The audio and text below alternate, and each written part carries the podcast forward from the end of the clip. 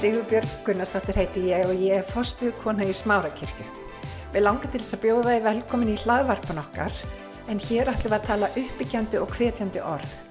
Ég vona svo sannlega að þetta blessi þig og hveti þið áfram til að gera góða hluti í lífinu. Takk Jésús. Erum við ekki að fara í Jóhannesar? Halleluja. Jóhannesar Guðspjall ætlum við að fara í fjörðakabla í fyrsta versi og ég ætla að lesa smá texta, ég vona því að hafið bara byðlund. ég er ekki vunni að lesa svona mikinn texta, ég ætla að gera það í dag. Þetta er mögnu frásögn og þess vegna er ímislegt þarna sem við getum lært í dag og það byrja svona. Farisegar hafði heyrt að Jésu fengi fleiri lærisvena og skýrði fleiri en Jóhannes. Reyndar skýrði Jésús ekki sjálfur heldur lærisennar hans. Fyndin þessi útskýring. Þegar Jésú var þess vís, hvarf hann brottur júti og hjælt aftur til Galilju. Hann varð að fara um Samaríu. Nú kemur hann til borgar í Samaríu er síkar heitir. Nálagt þeirri landsbyldu sem Jakob gaf Jósef senu sínum. Þar var Jakobs brunnur. Jésús var vegmóður og settist þarna að við brunnin, þetta var um hádegispil. Sammis kona kemur að sækja vatn. Jésús segi við hana, gef mér að drekka. En lærisuna hans höfðu farið inn í borgina að kaupa vistir. Það þurfti alla lærisuna að fara að vesla. Þá segir samminska konan við hann, hverji sætir að þú sem ert gýðingur, byði mig um að drekka sammeska konu. Svo stendur hérna innan svega en gýðingar hafa ekki samneiti við samverja. Jésús svaraði henni, ef þú þekktir gjöfgvus og vissir hver sá, sem, hver sá er sem segir við þig, gef mér að drekka, þá myndir þú byggja hann og hann gæfi þér lifandi vatn. Hún segir við hann, herra, þú hefur enga skjóla að auðsa með og brunnun er djúpur. Hvaðan hefur þú þetta lifandi vatn? Ertu meir en Jakob forfæður okkar sem gaf okkur brunnin og drakk sjálfur úr honum og sinir hans og fjenaður? Jésús svaraði, hvert sem drekkur af þessu vatni mun aldrei, mun aftur þista, en hvert sem drekkur af vatninu er ég gef honum, mun aldrei þista að eilifu. Því vatni sem ég gef honum verður í honum að lind sem streymir fram til eilífs lífs. Vers 15 þá segir konan við hann, drottin gef mér þetta vatn, takk ég eftir drottin, gef mér þetta vatn svo að mér þyrsti ekki og ég þurf ekki að fara þá hinga til að auðsa. Hann segir við hann að farðu, kalla á mannin þinn og kontu síðan hingað. Konan svaraði, ég á engan mann. Jésús sagði við hann að rétt er það að þú eigir engan mann því að þú hefur átt fimm menn og sá sem þú átt er ekki þinn maður. Þetta segir þú satt. Það getur enginn tala svona nema Jésú. Konan segir við hann drottin, nú er ég, nú sé ég að þú er spámaður.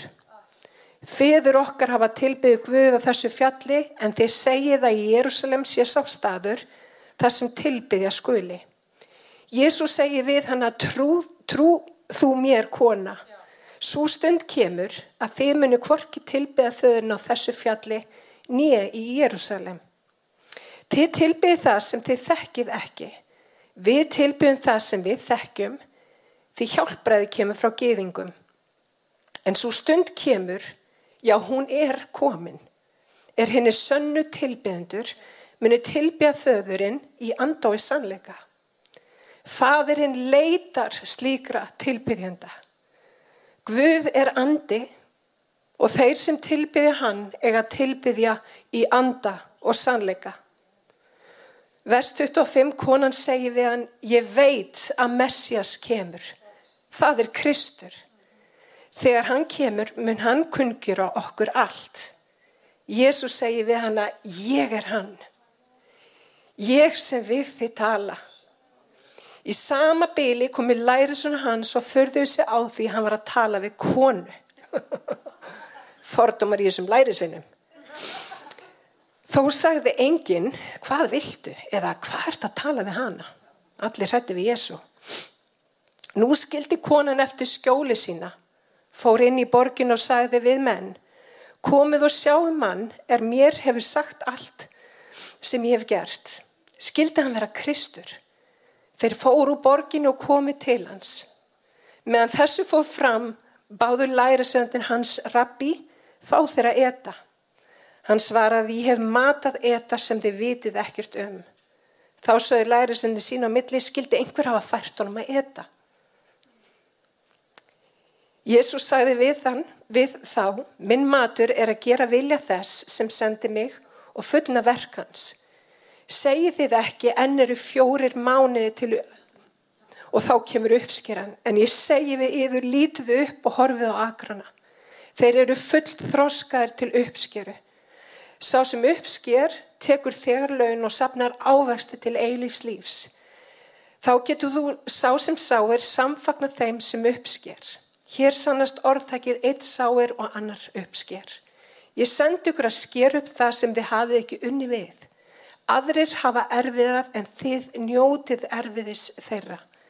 Margir sammirjar úr þessari borg trúð á hann vegna orða konunar sem vittnið um það að hann hafi sagt henni allt sem hún hafi gert.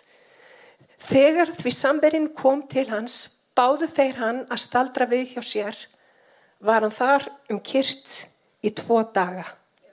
Drottin ég byrðum að koma með ofinberðum fyrir orði, drottin. Ég þakka þið fyrir orðið sem er lifandi og kröftugt og beittar að hverju tví ekkjuðu sverði. Drottin ég þakka þið fyrir að þú hefur orð inn í aðstæður okkar og gefð okkur náttúrs að taka mótið því orði, hlusta, nema, hugleða og bera sér hann ávöxt. Og við byggjum í Jésu nafni. Allir liðinni sagði. Amen. Þetta er í fyrsta skiptið sem að Jésús ofinberar hver hann er. Þetta er fyrsta skiptið sem að segir í rítningunni þetta er ég Messias. Hann gerir það við konu sem er samversk sem hafði mjög vafasama fortíð. Vægt til orða tekið. Þetta er kona, þetta er manneskja Þetta er þjóðfélagshópur sem að gýðingar vildu ekkert hafa samniti við. Hann ofinbera hver hann er við þessa konu. Þetta er Jésu sem ég trú á. Því að Jésu er ekki fordumafullur. Hann er ekki kvennhatari. Hann kemur vel fram við alla. Má ég heyra með hann? Og vitið það, Jésu gerir kröfa okkur um að við gerum það sama. Jésu kemur fram fyrir skjöldu og sjáu því hvernig hann er. Þeir átti ekki til orð farisetnir þegar þau sá að hann var að tala við þessa konu, þegar hann var að tala við konu, þegar hann var að tala við samverja. Jésu var í því að brjóta niður þessi form sem að við mannfólki erum svo ofbúslega duglegt að byggja upp. Og ég segi mannfólkið Reyndar er kristi fólk alveg sérlega duglegt að byggja upp múra. Við erum alveg með það á reynu hver á skili blessun og hver ekki. En veitir það, Jésu hugsar ekki þannig. Jésu þráir að koma bóðskap sínum allt til allra. Jafnvel þeirra sem að við getum ekki ímyndu okkur eiga skilið að heyra bóðskap Guðs. Hann elskar þá ekki minna en mig og þig. Má ég heyra með henn. Takk Jésús. Og það er svo margt í þessum texta sem er mjög aðtæklusvert. Vitið það að þetta samtal, Jésú við þessa konu, er lengsta skráða samtal í biblíunni á milli Jésú og nokkrar annara mannesku. Finnst ykkur það ekki sérstakt? Lengsta samtalið. Drottin er að segja okkur eitthvað. Drottin, eh, það var örgulega fullt af samtölum sem að Jésús átti við fullt af fólki sem er bara reynilega ekki skráð en þetta er skráð. Drottin vil koma upplýsingum til okkar. Drottin vil koma upplýsingum til okkar um hvernig hann er. Hvert eðli hans er og eðli hans er kærleikur. Eðli hans er kærleikur má ég heyra henn. Takk Jésús. Amen. Þetta var samverskona, hún var bersindug. Þetta var lengsta samtal sem skráð var í biblíunni við nokkra aðra mannesku. Og vitið það, ekki nómið það, heldur eftir þetta samtal, að þá fyrir konan hún fyrir að segja frá og vitið það, hún er í raun fyrsti trúbúðin. Þessi kona sem enginn vildi neitt með hafa var svo persóna sem að drottin ákvaða að ofinverða sjálfa sig fyrir fyrst af öllum. Ekki við læri sinna, ekki við sattukjana eða, eða fari sinna, heldur bersindu og konu sem að allir, allir voru búin að setja til hliðar. Þetta er minn Jésu. Og margi tala um að konur geta ekki talað. Þessi kona kunna tala. Hún heyrði um Jésu og hún upplifði Jésu og hvað gerði hún? Hún fór og sagði öllum frá. Og það er svo augljóst mál í rítningunni að hún hefur greinilega haft áhrif á fullta fólki út af því að Jésu ákvaða að tvelja hana. Hann ákvaða að vera hana. Hann ákvaða að ílengjast. Og vinir, við þurfum að vera eins og þessi kona, við þurfum að vera eins og Jésu í þessum aðstæðum. Hvaða fólk er það í kringum okkur sem að drottin þráir að tala við en við höfum einhverju hluta vegna byggt hugsanlega upp múr. Og múratni geta verið alls konar. Þessi er bara búin að, hann er bara fara nú langt frá við, hann er búin að synga svo mikið, þessi bara ábar ekki breyk. Nú eða þessi er allt of fyrir utan minn hérna, þægindram að þessi fyrir ofa mig í goggunaröðinni, ég þú er ekki að tala við hann. Eða eitthvað, eða eitthvað. Við finnum okkur einhverjar afsakanir fyrir því að, að stíði ekki út af vatnið. En staðrindin er svo að drottin er að sína okkur þarna, ef við förum ekki þangað, þá náum við ekki í fólkið. Og vinni, við þurfum að vera tilbúin að fara á staði sem við höfum aldrei farið á áður. Og kirkjan má ekki vera staður þar sem að fólk er flokkað í einhverja hópa. Þess er í lægi. Þessi ekki. Þessi góður. Þessi ekki. Og vitið það, í gegnum tíðina þá hefur verið rosalega mikið á tvöföldi sirkjaði í kirkjum. Því að það er nefnilega ekki sama hver er. Það er jón og séra jón. En vitið það, samkvæmt þessu þá er það algjörlega anstætt því sem að Jésús stendur fyrir. Það eru allir sér að jón hjá Jésu. Allir. Við erum nefnilega konunglega prestafélag og vinir, við eigum að vera farbröyta bætar, múrskarða fyllar og farbröyta bætar. Það er eitt sem er ákjærandi bræðrana og ákjærandi bræðrana það, hann er með jobb. Og við þurfum ekki að vera hluta því jobbi, við þurfum ekki að taka þátt í því að vera ákjærandi bræðrana. Það sem að drottin þarf og það er svo mikilvægt vinir á þessum tímum sem við lifum á, sérstaklega núna. Sérstaklega núna þegar fylgta fólki er bara að glíma við óta og kvíða og það þarf svör vinir. Við erum með svarið. Við erum með svarið og vitið það við eigum ekki að setja svar okkar undir mælikjær. Það er svo aðkallandi vinnir að við tökum stöð okkar og við fyrum að rýfa niður þessa veggi sem við erum búin að byggja í kringum kirkuna eða byggja í kringum líf okkar eða byggja utanum fólk sem við upplifum að munu aldrei frelsast. Þetta er lengsta skráða samtal Jésu við nokkra mannesku, þetta við samveska konu og hann ofinbera hver hann er. Munið síðar ofinbera fyrir þegar Pétur kemur til hans og veist, hann spyr hverjir telja menn mig vera? Og svo spyr hann læri svona en hverjir telja þið mig vera? Og þá voru þeir búin að ganga með honum og Pétur hafði þessu ofinberðin þú er Kristur. Þú er sonur lifandi guðst þú er Kristur. Og vinnir þegar við höfum fengið þessu ofinberðin þú ert Kristur. Þú ert sonur lifandi guðst þegar við höfum fengið að höndla hver Jésús er þá meðum við ekki halda því bara fyrir okkur.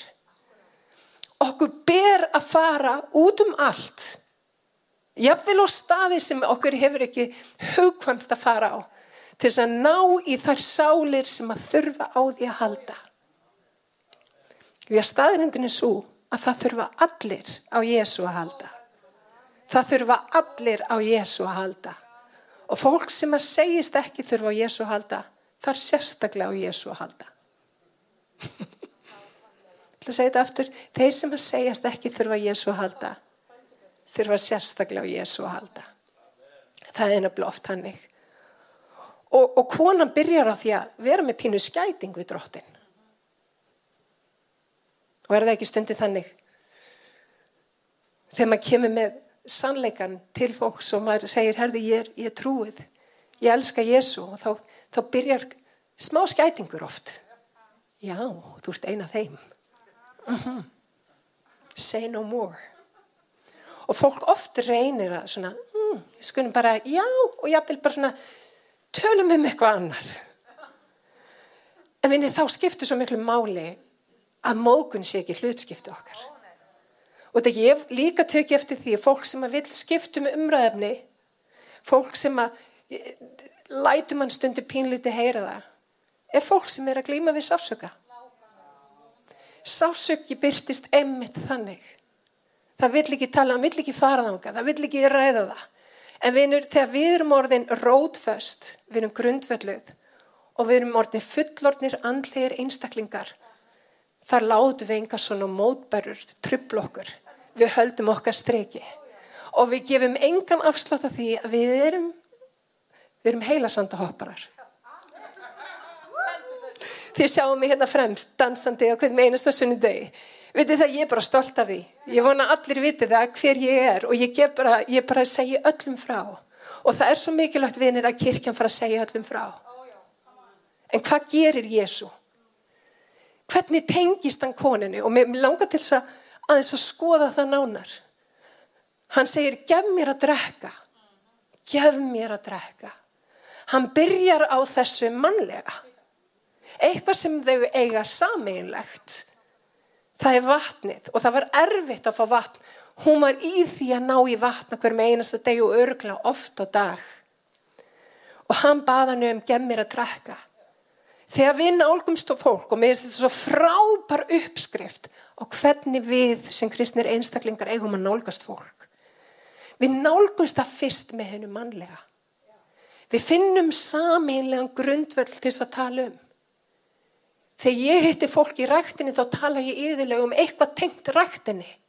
Ég byrja að nálgast manneskuna með mannlegum hætti.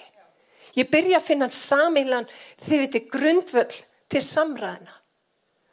Og það er það sem að Jésu gerði. Hann byrja að tala um eitthvað sem hún skildi. Vatnið. Eitthvað sem hún gerði okkur með einasta degi mörgursunum á dag.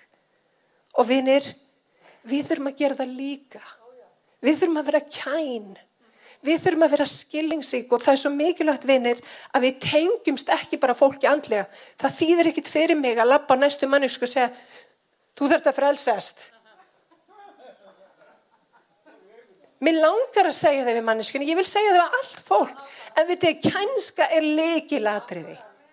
Þegar ég hitti fólk þá byrja ég að finna leið, býtu, hvar tengjumst við? Hvernig get ég bryttað upp á samræðum? Hvernig get ég reynst henni vel? Hvernig get ég reynst þessari mannesku vel? Hva, hvað eigum við sameilagt, vinnir? Og við þurfum að finna leiðir til þess að tala um það sem að saminar okkur. Vinnir, þessi veröld þarf á saminningu að halda. Jésús var í því að byggja brú Og veitir það er svo margt í þessum heimi, veist, stjórnmálinn og annað slikt sem gerir það verkum að það er, svo, það er svo miklar anstæður og það er svo mikil átöku í gangi. En Jésu, hann bjóti brú. Hann var alltaf að búa til brú. Hann var alltaf að reyna að tengjast fólki. Af hverju því hann elskar fólk. Og vinir, við þurfum að elska fólk. Og ef við ætlum að ganga inn í þá köllun sem við höfum á líf okkar þá þurfum við stundum að fara út fyrir okkar þægindaring ég held að segja þetta aftur ef við ætlum að nálgast fólk ef við ætlum að stíðin í þá köllun sem að Guð hefur á líf okkar, þá þurfum við að fara út fyrir okkar þægindaring. Það þarf enga trú að vera inn í þægindaring. Það þarf trú að stíga út rónum. Það þarf trú til þess að stíga fram í því sem drottin hefur sett á hjart okkar. Þar kemur trúin. Og drottin, hann vil sjá okkur fara á staði sem við höfum ekki hugsað okkur eða langar í geinusinni til þess að fara á. Þannig ná við fólkið sem við annars ekki myndum ná í. Og takkið eftir. Drottin, hann var lúin. Hann var búin að ganga í langa vegu og hann var lúin. Og það er ákveðt á þessum tíma þegar hann sest niður. Og hann er bara þreyttur. Hann sest við brunnin og þá kemur þessi kona og hún byrjar að tala við hann og aðtögi það hann er þreytur. Stundum er það einmitt þannig að við kemum með eitthvað, eitthvað verkefni fyrir okkur þegar okkur líður ekki þannig. Ég hef oft fundið það að drottin ætla stundu til að mér hluti þegar mér líður ekki þannig og þá einhvern veginn, þá finnur hann leið til að trubla líf mitt. Ekki á besta tíma, ekki á þægilegasta tíma, ekki á mínum tíma, heldur á hans tíma. Og það er eitthvað við það, drott, hérna, kæru vinir, þegar við leifum, trubla, nei, þegar við leifum Guð að trubla okkur og fólki náttúrulega líka. Þegar Guð nota fólk. Það er eitthvað við það og ég segi þetta aftur, drottin notur oft aðstæð þar sem að þegar við erum þreytt, þegar við erum lúin, þegar við erum ekki alveg 100% fyrir kölluð og þá kemur drottin með eitthvað fólki við okkar. Og þá er svo mikilvægt vinnir að við vöndum okkur. Að við vöndum okkur. Ég er mjög mikil, hérna, ég er mjög mikil aðdandi þess að fólk hafi balans í lífi sínu. Og ég er mjög mikil búin að tala um það undarfarið, varandi það að, að við tilengum með okkur líf sem að það sem er balans, það sem er jafnvægi. En vandin við nútíma þjóðfélag er það, það er engin balans og við erum oft upptekinn á hlutum sem skipt ekki máli. Og guðlugubalans hefur með forgangsröðun að gera. Og veitir það, guð oft krefst af okkur að við látum af ákveðinu hlutum. Það eru stundir hlutir sem að fylla líf okkar og dagskran okkar og við erum oft ofbúsla upptekinn við að gera óskup lítið. Má ég heyra með henn? Halló.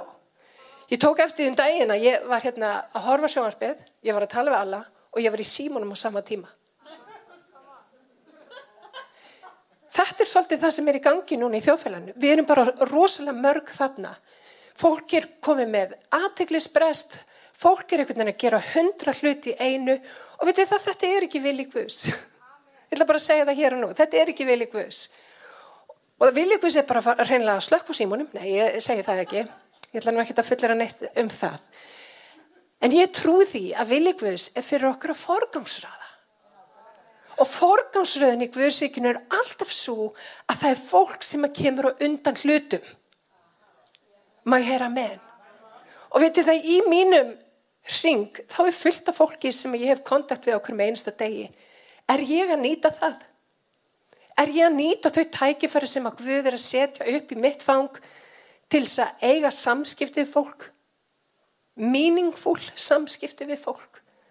Og ég vil bara segja það alveg hreint út, Nei, ég er ekki að nýta þau tækifær sem Guð hefur sett inn í mitt líf en ég ætla að taka mig taki. Og mér langar til þess að færa áskorun hér út í dag og hvetja þig til þess að nýta þau tækifæri sem að Guð gefur þér til þess að hafa áhrif af fólki kringum þig. Má ég heyra með? Þannig að það er það sem við ætlum að gera. Og hvernig gerum við það? Við byrjum á því að elska fólk. Hann fór ekki að tala um neyn andleg mál, drottin, fyrir hann var búin að ná tengingu við manneskuna. Fyrir hann var búin að sjá hana, fyrir hann var búin að tala við hana og ræða um mál sem að þau, þeim tengdist sem var bara mannleg, sem voru náttúruleg. Og vinnir, drottin vil nota nákvæmlega þig til þess að tengjast fólki með þeim hætti. Hvað áttu sameilet með mannsku? Hvernig getur við byggt brú á milli þín og annara? Hvernig getur við gert það? Hvernig getur við gert það? Jú, með því að forgangsraða. Með því að eigða meiri tíma með fólki. Og veitir það sumt sem að Guð byggðum mig um að gera er stundum bara freka þreytandi. Ég ætla ekki að brjóta ykkur niður hér í dag en það getur verið pínu þreytandi. En veitir það allt sem að Guð byggðum um að gera er blessað. Það er svo mikið blessun fólkin í að gera vilja Guðs. Það er svo mikið blessun í því að, að forgámsvæða lífi sinu rétt. Það er svo mikið blessun að vera vakandi andlega fyrir fólkinu sem er í kringum okkur. Því að það er fólk úti sem að þráir ást og kjærleika. Sjáu þið þessa konu og hann eignast fimm menn og það er ekkert útskýrt hvað það er gæst. Og það getur vel verið. Við fáum strax alveg já, var bara lauslátt og eitthvað svona, veist, þarna á þessum tíma þá var þetta algjört bann. Konur hefði aldrei átt fimm menn. Þá var það bara búið að útskúfa þeim úr samfélaginu. En það er í rauninni engin útskýring og það getur vel verið að þessi kona hafi bara verið óbyrja. Það þótti rosalega mikil skömm til dæmis að geta ekki eigna spötni í þá dag. Það getur vel verið að menninir hafi bara reynilega skilað henni. Við vitum í rauninni ekkert hennar sögu sem er ymmit líka annar punktur. Við erum oft með fyrirfram ákveðnar hugmyndur um af hverju fólk er með þeim hætti sem það er. En Jésús hefur það ekki. En það sem að Jésús síðan gera, hann segir henni, hann segir henni hver hún er. Hann segir henni hver hún er. Hann segir, nei, það er rétt. Þú átt ekki mann. Þessi maður sem úr með núna er ekki maðurinn. Þú hefur átt fimm menn. Jésu tala sannleikun og við vitum það að sannleikurinn mun gera okkur, hann mun gera okkur frjáls. Og mér finnst það líka annar punktur sem er, sem er svo augljós í, í, þessum, þessum versum. Hvað hann er beinskettur en samt í fullkomnu kjallega. Hann er ekki að dæma hana, hann er ekki, hann er ekki að, að gera líturinn, hann er bara að segja sannleikan. En hann segir líka við hann að, veistu það, en ég er með það sem að þig vandar. Ég er með það sem þig vandar. Og vinir, fólk þarf á því að halda að við gefum þessa læki lifandi vats sem að Guð hefur sett innan með okkur. Og vinir, hvað er drottin búin að setja í þitt líf? Hvað er Guð búin að gefa þér? Hvaða orð hefur hann að gefa þér? Ertu að heyra röttu Guðs? Og ég þrá að vera á þeim stað að ég bara heyri röttu Guðs. Að ég gangi með honum hvern einasta dag. Og ég bara heyri röttans og ég bregðist við. Og ég vildi að ég geti sagt að það væri alltaf raunin með mig. Það er það ekki. En ég þrá að vera það. Ég þrá að vera þessi manneski sem er alltaf tilbúin. Og Guð er að vinna verki mér og ég er alltaf að vera meir og meira þessi manneski sem vil alltaf vera tilbúin. En pointið er þetta. Fólk þráir það sem við eigum.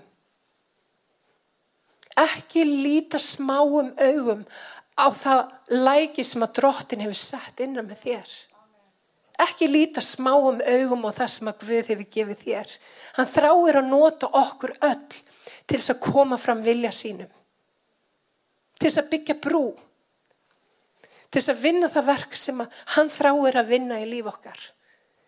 Því að það kemur svo berlega fram hér, fyrir 2000 árin síðan, þá sagðan agratnir eru kvítir til uppskeru. Ekki spyrja eftir fjóra mánuði, eftir þrjá mánuði, eftir tvo mánuði, e, ekki spyrja því. Gangiði bara út og takiði uppskeruna. Og hvað eru við búin að heyra aftur og aftur á þessu ári? Agratnir eru kvítir til uppskeru. Nú ætlum við ekki að vera á pöllunum, við ætlum að koma niður á gólfið og við ætlum að taka landið ekki satt. Hvaða land er Guð búin að gefa þér sem hann vil að þú takir? Við það fólki í kringu guggu er bara allt annað fólk sem er í kringu mig. Ég hef áhrif á annars konar fólk en gugga og sama með mömmu. Við höfum öll okkar ákveðið áhrifasveið og drottin þráir að við stígum meir þess að enn meira út fyrir og tengjumst öllu því fólki sem að kemur í veg okkar. Og mér er svo aðdeglisvert að stendur, hann varð að fara til Samaríu. Í rauninni landfræðilega þá þurft hann ekki að fara til Samaríu. Hann hefði geta farið aðra leið til Galilegu. En hann varð að fara. Það er þessi brennandi löngun sem að drottin vil setja í líf okkar. Ég bara verð að fara. Því að þannig manneska sem að ég þarf að hitta. Amen. Og ég trúi því að þegar Guð gefur þetta í verð, ég verð að fara. Þess að óslökkvandi þið vitið eldmóð kakvart fólki sem að þarf að heyrum Jésu. Þegar Guð gefur okkur þetta þá er ekkert sem að getur haldið okkur tilbaka. Og mér langar bara til þess að tala yfir ykkur eldmóð og hvetja ykkur. Því að vinir, rattir okkar allra þurfa að heyrast. Það þurfa allir menn að heyra um Jésu. Það er engin of lár og það er engin of hár. Jésu lítur á allt fólk eins. Það eru allir eins frammi fyrir honum og það er engin of lítið eða of mikið Það eru allir börnin hans. Hann þráir okkur öll. Og það sem að meira er, hann þráir að nota okkur til að ná í þetta fólk. Þannig að vinir, agratnir eru kvítir til uppskjöru. Agratnir eru kvítir. Og við ætlum að ná í fólkið. Má ég heyra með? Takk Jésús. Og mættu við hafa þessa óbylandi eldmóð eins og drottin hafði. Hann varð. Þetta var aldrei spurning um það hvort að hann ætlaði að hvort hann vildi. Hann varð. Og megu við fá þetta á tilfinningu ég bara verð. Ég get ekki farið úr þessu, þessari bónusveslun nema ég tali við þessa mannesku. Ég get ekki farið úr þessu ammali nema ég tali við frængu mína og bara á samskipti við hana. Þannig að ég geti síðar meir tengt hana við drottin Jésu. Og vinir, við þurfum að vera með hennan brennandi eldmóð. Hvernig getum við byggt upp tengingar við fólk? Þessi kirkja snýst um endur reist. Hún snýst um að sjá fólk rýsa upp þangað, já, í það sem það á að vera að gera. Og vinir, við þurfum, við megum ekki sitja tilbaka og hugsa drottin, ég ætla bara að byggja fyrir þessu fólki. Þú ert kallað til þess að byggja, en þú ert líka kallað til þess að rýsa fætur úr þægundum og, og tengjast fólki. Og veitir það, ég ætla að gera meira því að tengjast fólki. Ég ætla vísvitandi, þegar ég fyrir rættin á hverju einasta degi þá ætla ég að tengjast fólki með þeim hætti, ég ætla að fá þetta fólk á sangumu. Ég vil sjá þetta fólk frelsast. Ég vil sjá fólk leysast og blessast. Halleluja. Og það sem að meira er, það er bara fullt af fólki í kringum mig sem að lætu mig vita okkur með einasta degi að það er að horfa á sangumunar. Þannig að það veit að ég er að fara að tala við það mjög flöðlega en svona í alfunni talað. Já, nákvæmlega. Það, við meigum ekki verið með ljós okkur undir mæli kér. Við höfum að leifa því að lýsa. Og við þurfum að ná í þessu uppskeru sem er ríkuleg, sem er ríkuleg. Og vitið það, hér inni er fólk með svo óbylandi hæfileika á að tala við annað fólk. Ásmunda að þú átt að tala við fólk og þú veist það. Þú ert mögnu kona, algjörlega herdís svo mikið af fólki kringum þig. Og með svo magna hvernig fólk talar um herdi sitt, hún er alveg bara með einstakann svona kjallega til fólks. Og þetta er guðlegu kjallegur þetta er kjallegur sem drottin hefur gefið. Og vitið það við þurfum að lýsa þessum kjallega okkur má ekki vera sama. Þegar kjallegu fólks fyrir þverrandi hvað gerum við, við kynntum upp í kjalleganum er þið tilbúin að vera með mér að kynna upp í kjalleganum bara láta okkur andum fólk Og hvernig á morgun hugsum, hvernig getur við tengst fólki með þeim hætti að það sjá Jésu í okkur. Að það upplifi sjálft Jésu. Því að það er engin starri gjöfun það að hjálpa fólki að tengjast frelsanum Jésu. Má ég heyra með henn? Amen. Þannig í dag þá fær ég áskorun. Áskorun er til mín, hún er til okkar allra. Mættu við taka þessari áskorun og láta vaða. Amen. Ef ekki bara rísa fætur. Ég hveti til þess að stilla inn á okkur með reglum hætti því að hér verður alltaf eitthvað nýtt á nálinni. Takk fyrir að hlusta.